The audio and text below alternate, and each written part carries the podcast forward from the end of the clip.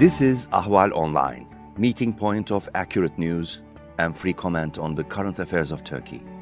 Welcome to our podcast series. Good afternoon, ladies and gentlemen. Welcome to another episode of Anatolian Dispatch. Today, our guest is Özgür uh, Unlu Hisar Çakılı, and apologies to every Turkish speaker for the way I just handled that name. My apologies. Um, he is the director of the German Marshall Fund in Ankara, Turkey. If you're unfamiliar with the German Marshall Fund, I definitely recommend that you go and check out their website. Just German Marshall Fund, Google that, and you'll be able to find it. It's a wealth of information. Um, for my money, it is one of the leading institutions helping to bring cohesiveness and understanding to the transatlantic community, of which Turkey is, I believe, a part. And today we're going to talk about, um, Özgür is going to give us some of his perspective on the, um, the connections between Turkey and the transatlantic community, which sometimes seem to be fraying and at other times seem to be quite strong. So with that, Özgür, if you could just kind of give us your initial views on Turkey and the transatlantic community. Thank you. and Thank you for the opportunity. Uh, as a matter of fact, uh, I would like to start by actually talking about Turkey-US relations and Turkey-EU relations separately because they have similar dynamics, but also uh, different dynamics. On, on Turkey-US relations, some of the commentators on the issue assume that there was once was a golden age in the relationship, which we lost and which we can, we can revive. The reality is there was never a golden age. Uh, this was always a relationship of necessity uh, in the case of Turkey and practicality uh, in the case of the United States, but it was never a love affair. And even during the Cold War, uh, there were episodes where the relationship hit the bottom, uh, as well as uh, episodes of uh, very warm relationships. well, Turkey was under an arms embargo in 1974 by the United States. Well, the car of the US ambassador in Turkey was burnt down uh, Uh, by students protesting the United States. The US uh, Marines were actually not allowed to enter Istanbul uh, at some point. So this was actually uh, always a troubled relationship. Uh, but the two sides managed to stay together because they both knew that it was better for them to have this cooperation rather than not.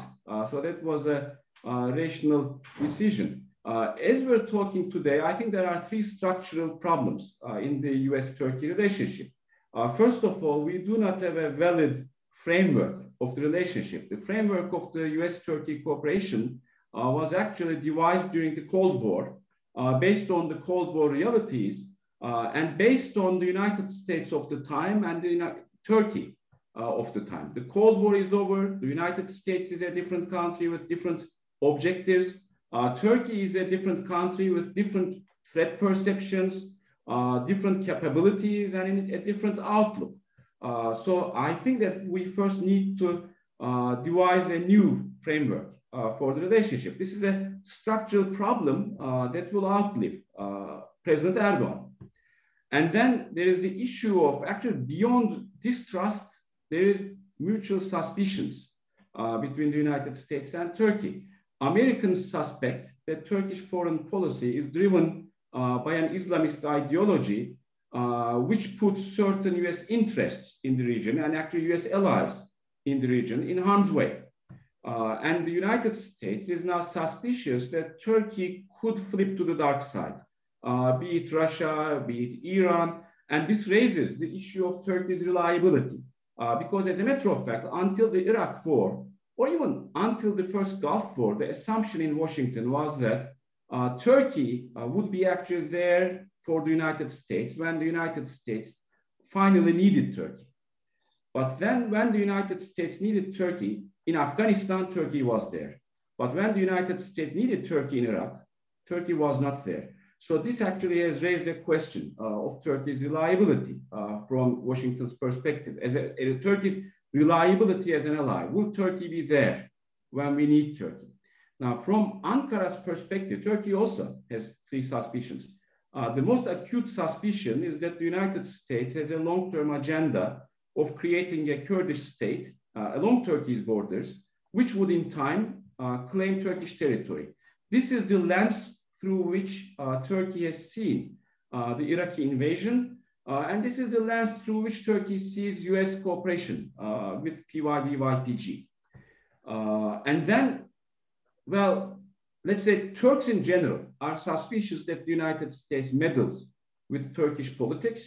Uh, well, for the opposition, I mean, it also like every, most people believe in this, but not necessarily complain about it. Like if you if you believe that the United States is intervening uh, on behalf of what you would prefer, then they remain silent. Uh, but if you believe that the United States intervenes in a way that harms your, uh, let's say, political interest, then you know you, you're more against this. I see this in a way hypocritical, of course. Like I'm against foreign intervention in Turkish politics, whomever it comes from, whether it comes from Russia, whether it comes from the United States. For me, it's a matter of principle.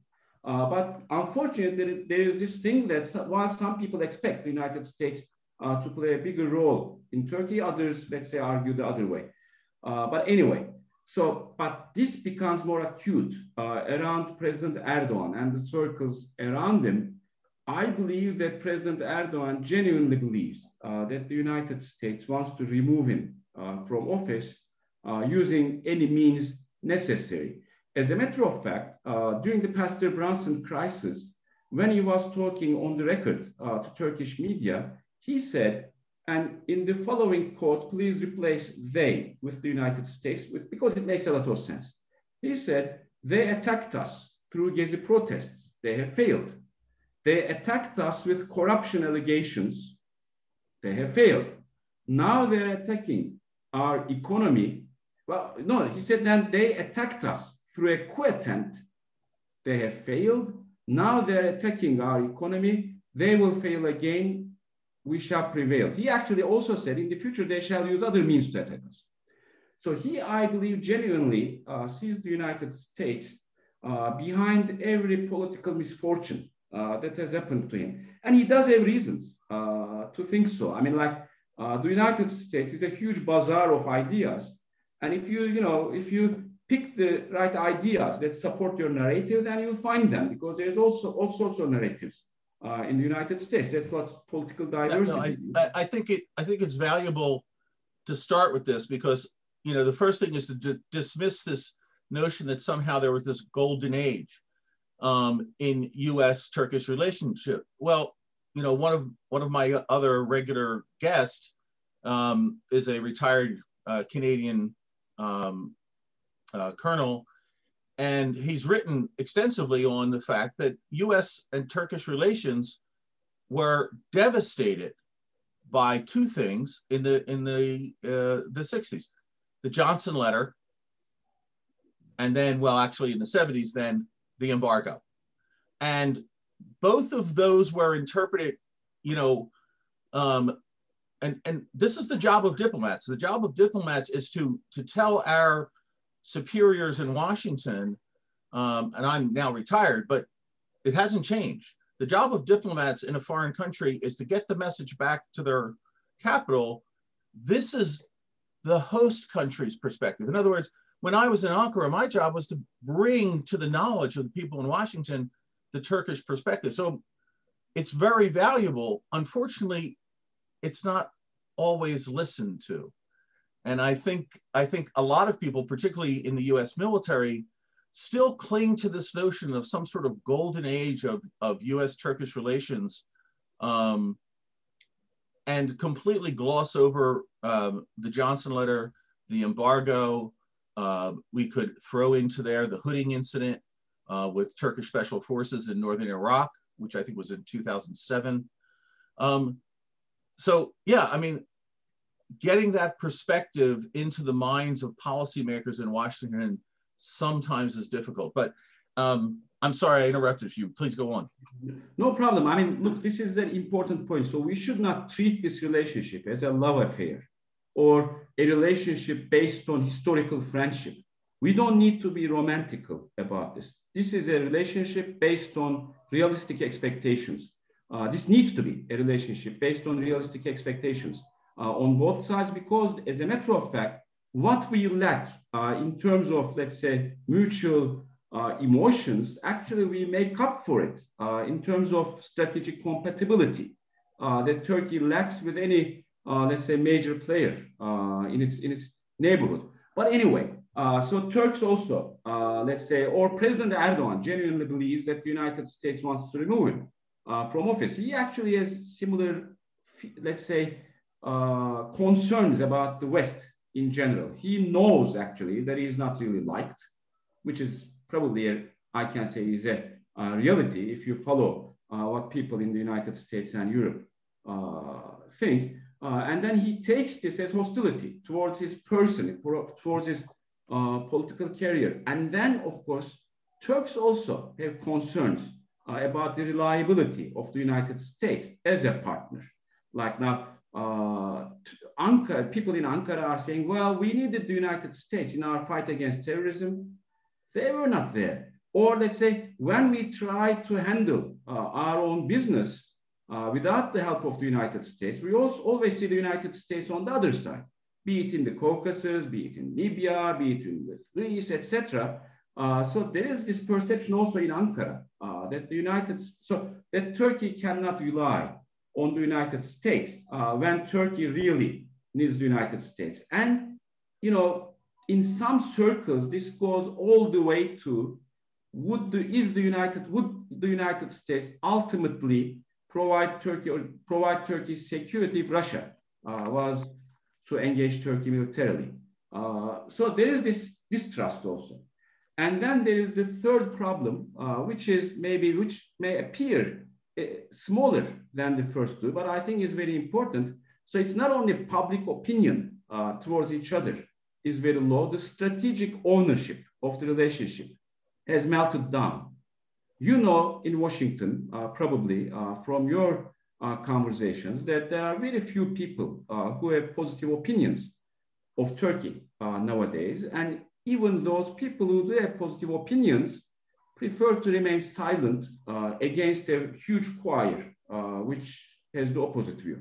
There's a similar situation uh, in Turkey. You basically cannot speak about the United States favorably uh, without being attacked uh, by a crowd. Mm -hmm. so also there is this situation that prevents positive warm relations. With the European Union, the situation is in, in many ways is very different. It's a structural relationship uh, Turkey is in customs union with the European Union.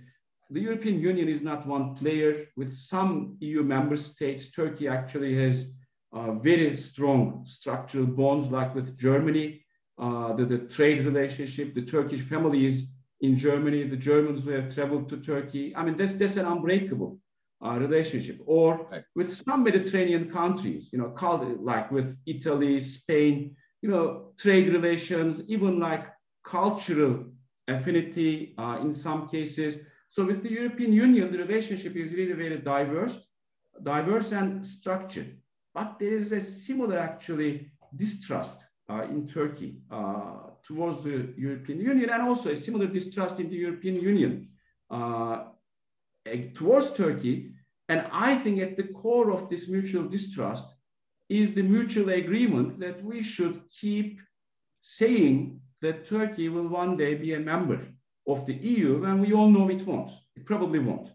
Uh, or let me put it this way I never want to prophesize uh, about the future, but for an unclear objective, we may be actually sacrificing uh, things that Turkey and the, European Union uh, could do together uh, now, actually, today. Uh, so there is a similar problem of a governance framework of the relationship between the Turkey and the EU as well. We take the Turkey's EU accession process as the governing framework of the relationship, whereas a lot of things that Turkey and the EU can do together in the area of foreign policy, security, humanitarian assistance, etc., have nothing to do with Turkey's EU accession process.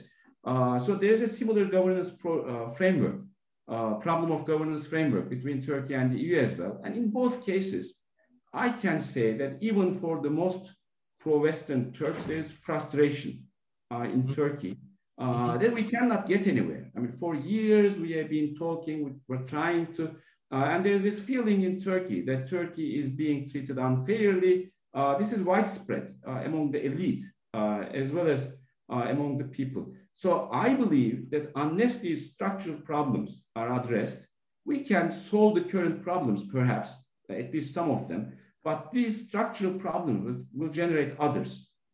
I want, I want to turn, I want to, you know, I want to stay with the structural problem because I think you're absolutely right. I think there are it, it's the structural problems that people try that they gloss over, they try to ignore, they just don't want to deal with because um, it doesn't get in, it doesn't fit the narrative that they have constructed about the relations between Turkey and the United States, or in fact about the narrative they have about what Turkey is. Um, and, and you know what some of those really negative elements of the, the narrative about Turkish about Turkey can be from certain people. Um, I think it's really good that you mentioned the fact that, that in the United States, there's a bazaar of ideas. So um, you go shopping in the bazaar and you pick the ideas that you want if you are a Turkish leader who wants to point out certain problems in the United States with certain people. Well, of course. But I, I do want to talk about what your perception is of, of the what I call the depersonalization I hope, of relations between Turkey and um, the United States. Um, we all know that that um, President Trump ran a very kind of personalized foreign policy. It was about him. I mean, this fits into his whole personality. It was about his ego, his success, um, his his personal conviction that he could make a deal with anyone. Um, master of the deal, right? Yeah, right. and um, I think the transition to the Biden administration is going to lead to a more, um, I hope it's going to lead to a more um, kind of professional and and and looking at what are the areas where, I mean, for example, recently President Biden, after meeting with with uh, President Putin of Russia, said there will be areas where we can cooperate. There will be areas where we will be competitors, and there will be other areas where we're in conflict. That's actually kind of what happens almost all the time. Um, so, do you see that there's any chance that that dealing with these structural problems might begin to be chipped away at under the new administration in the U.S.? Uh, well, some of them, or let's say, the, the I think the approach uh, from Washington uh, is first of all right.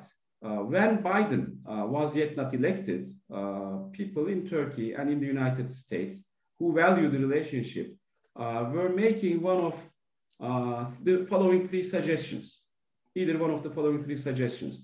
One school of thought said that Turkey and the United States should do a grand bargain and then reset the relationship. We should sit around the table, address all of the problems, resolve of the, all of the problems so that we have a tabula rasa, which sounds great, uh, but which was very unlikely, which will not be the case. And then another school of thought, a growing school of thought, actually says we should just decouple. It doesn't work. Uh, Turkey and the United States are not natural allies, and there's no reason uh, that they should. Now, this is very realistic, very easy to do, but it's very high cost uh, for both of them. Turkey cannot find uh, any other actor uh, that can provide what the United States is providing Turkey. Russia neither has the means uh, nor the willingness uh, to do that for Turkey. China is in a different region and it, it, it, may grow the need, it may grow the means at some point, but it won't have the willingness to do so. So Turkey, like it or not, is actually stuck with the United States. And as for the United States, of course, the United States is a superpower. It has many more alternatives, but there is no way it will find a similar ally in Turkey's region uh, with the capabilities uh, that Turkey has and with the geographic advantages uh, that Turkey has. Uh, and also like uh, years of investment uh, in the relationship also matters. So decoupling is easy to do, but why do you want to ruin a working relationship? And then a third school of thought says, why do we need to do anything? Just let's continue uh, as we are. Let this be diminished into a transactional relationship. Transactionalism is the order of the day anyway, not only between uh, Turkey and Iran.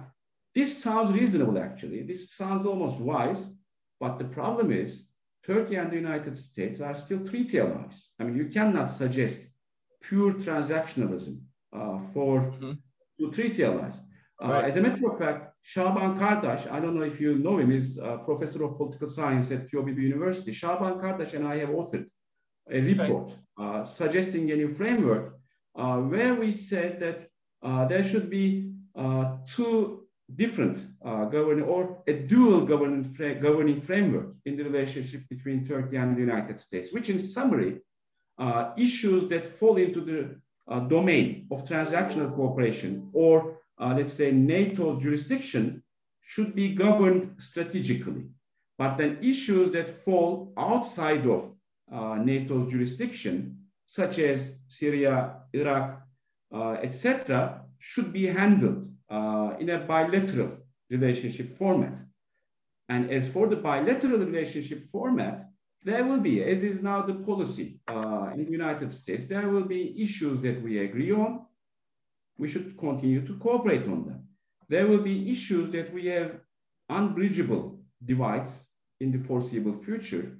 Well, then we should agree to disagree on those, but that is not enough because when you agree to disagree, you have this, you have the risk of actually stepping on each other's toes. So we should not only agree to disagree, but we should create uh, crisis prevention uh, mechanisms, as we have actually uh, currently in Syria, in for the east of Syria. I mean, for the east of Syria, Turkey and the United States have opposing views, have policies that contradict each other.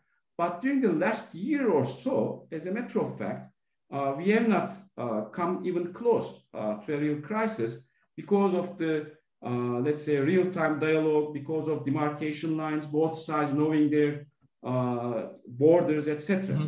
Uh, right. so such mechanism. And then there is another area, actually, issues that we disagree on, but on which we could actually uh, reach, a, reach an agreement if we if either of the parties uh, made or either or both of the parties uh, made minor concessions. Take the case of Iran. Uh, so Turkey and the United States are not exactly on the same page on Iran. But as a matter of fact, once the United States takes the threat of military uh, intervention off the table, we, we, could be on the same page. And this was what's happening uh, right. actually today. So I think that we should continue to work on where we agree. We should create crisis prevention mechanisms where we, we disagree. And then we should spend most of our efforts on trying to bridge our divides uh, where possible. Right. Right. No, I mean this that that, that makes eminent, eminent sense. Um, I think one of the, from my own perspective, one of the faults that was always present was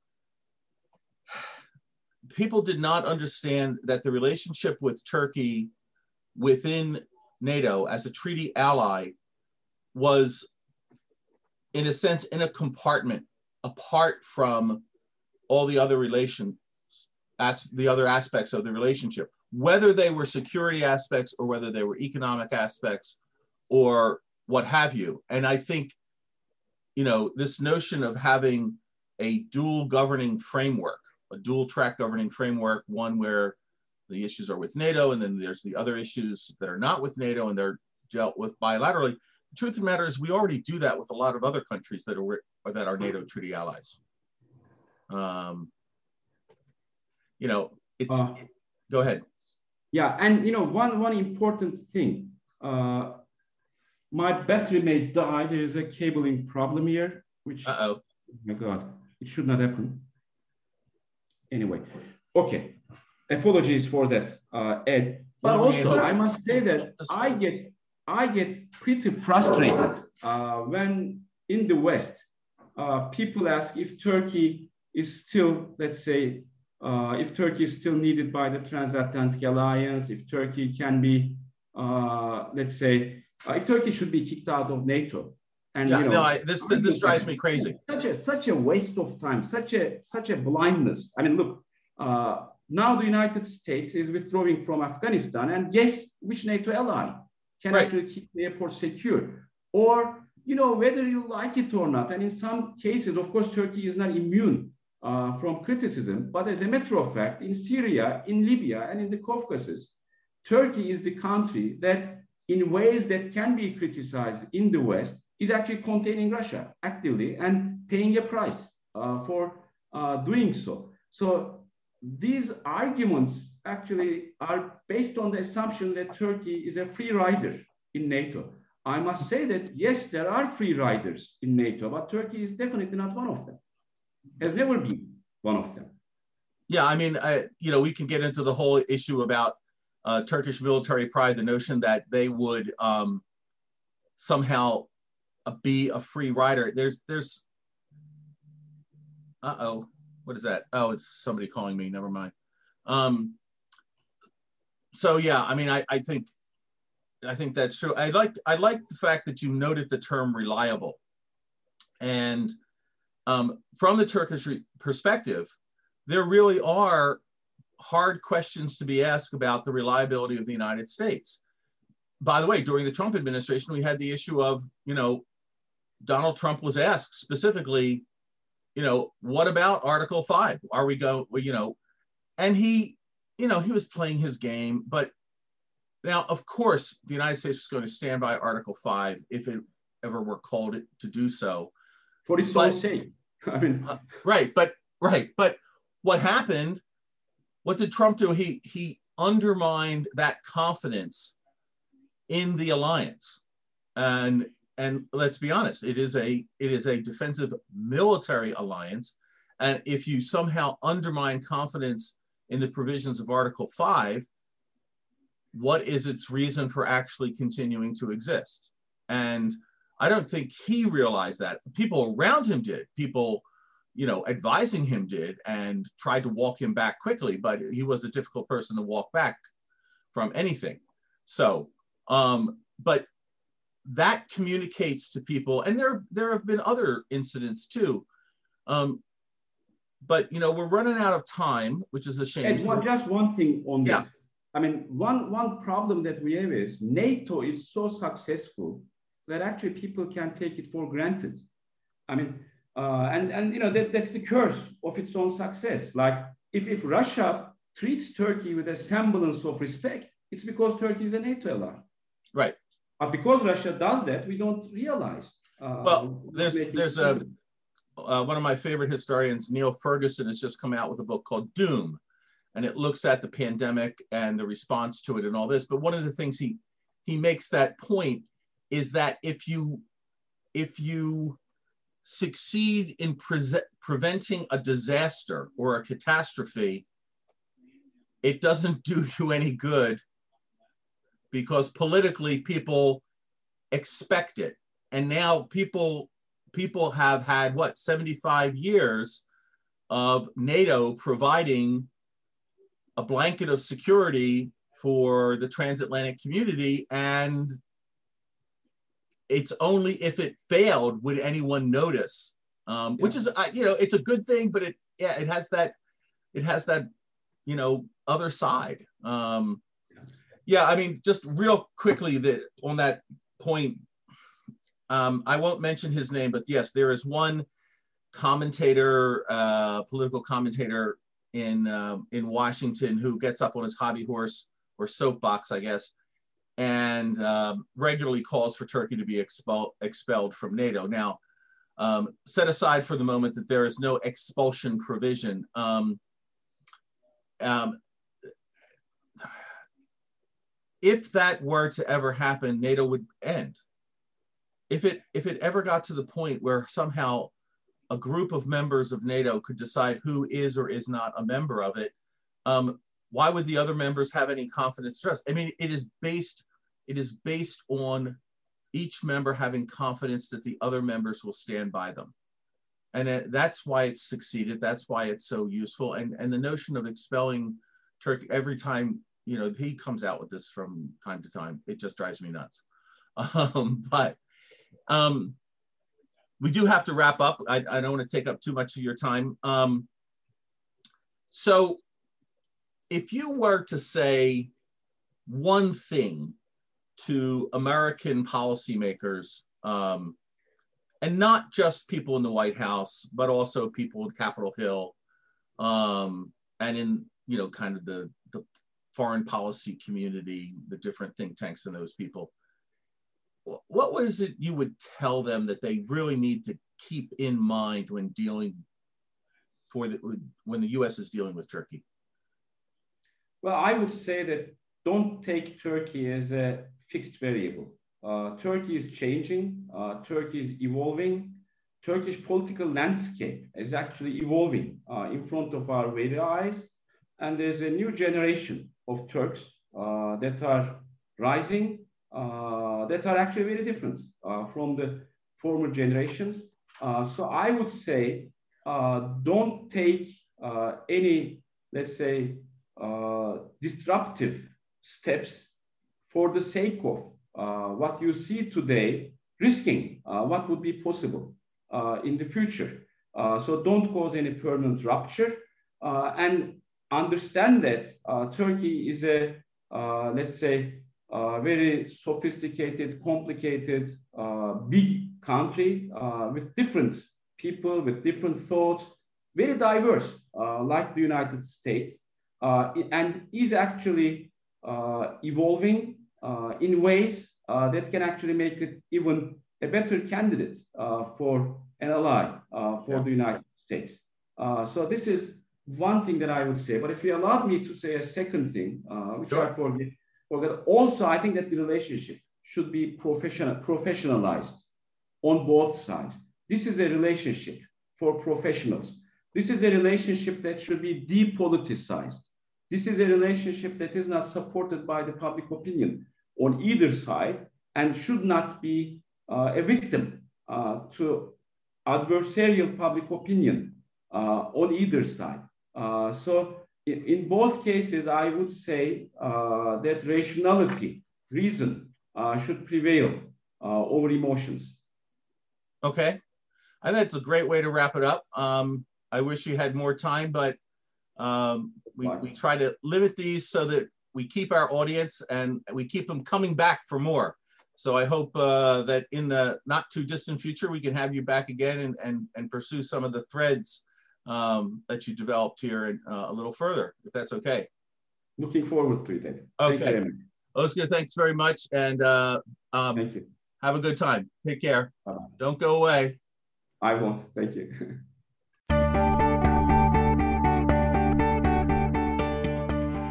You can follow Ahval News Online podcast series through Apple Podcasts, Spotify, YouTube, Google Podcasts, SoundCloud, and Spreaker. All you need to know about Turkey is here for your ears, mind, and attention. Thank you for listening to our podcast.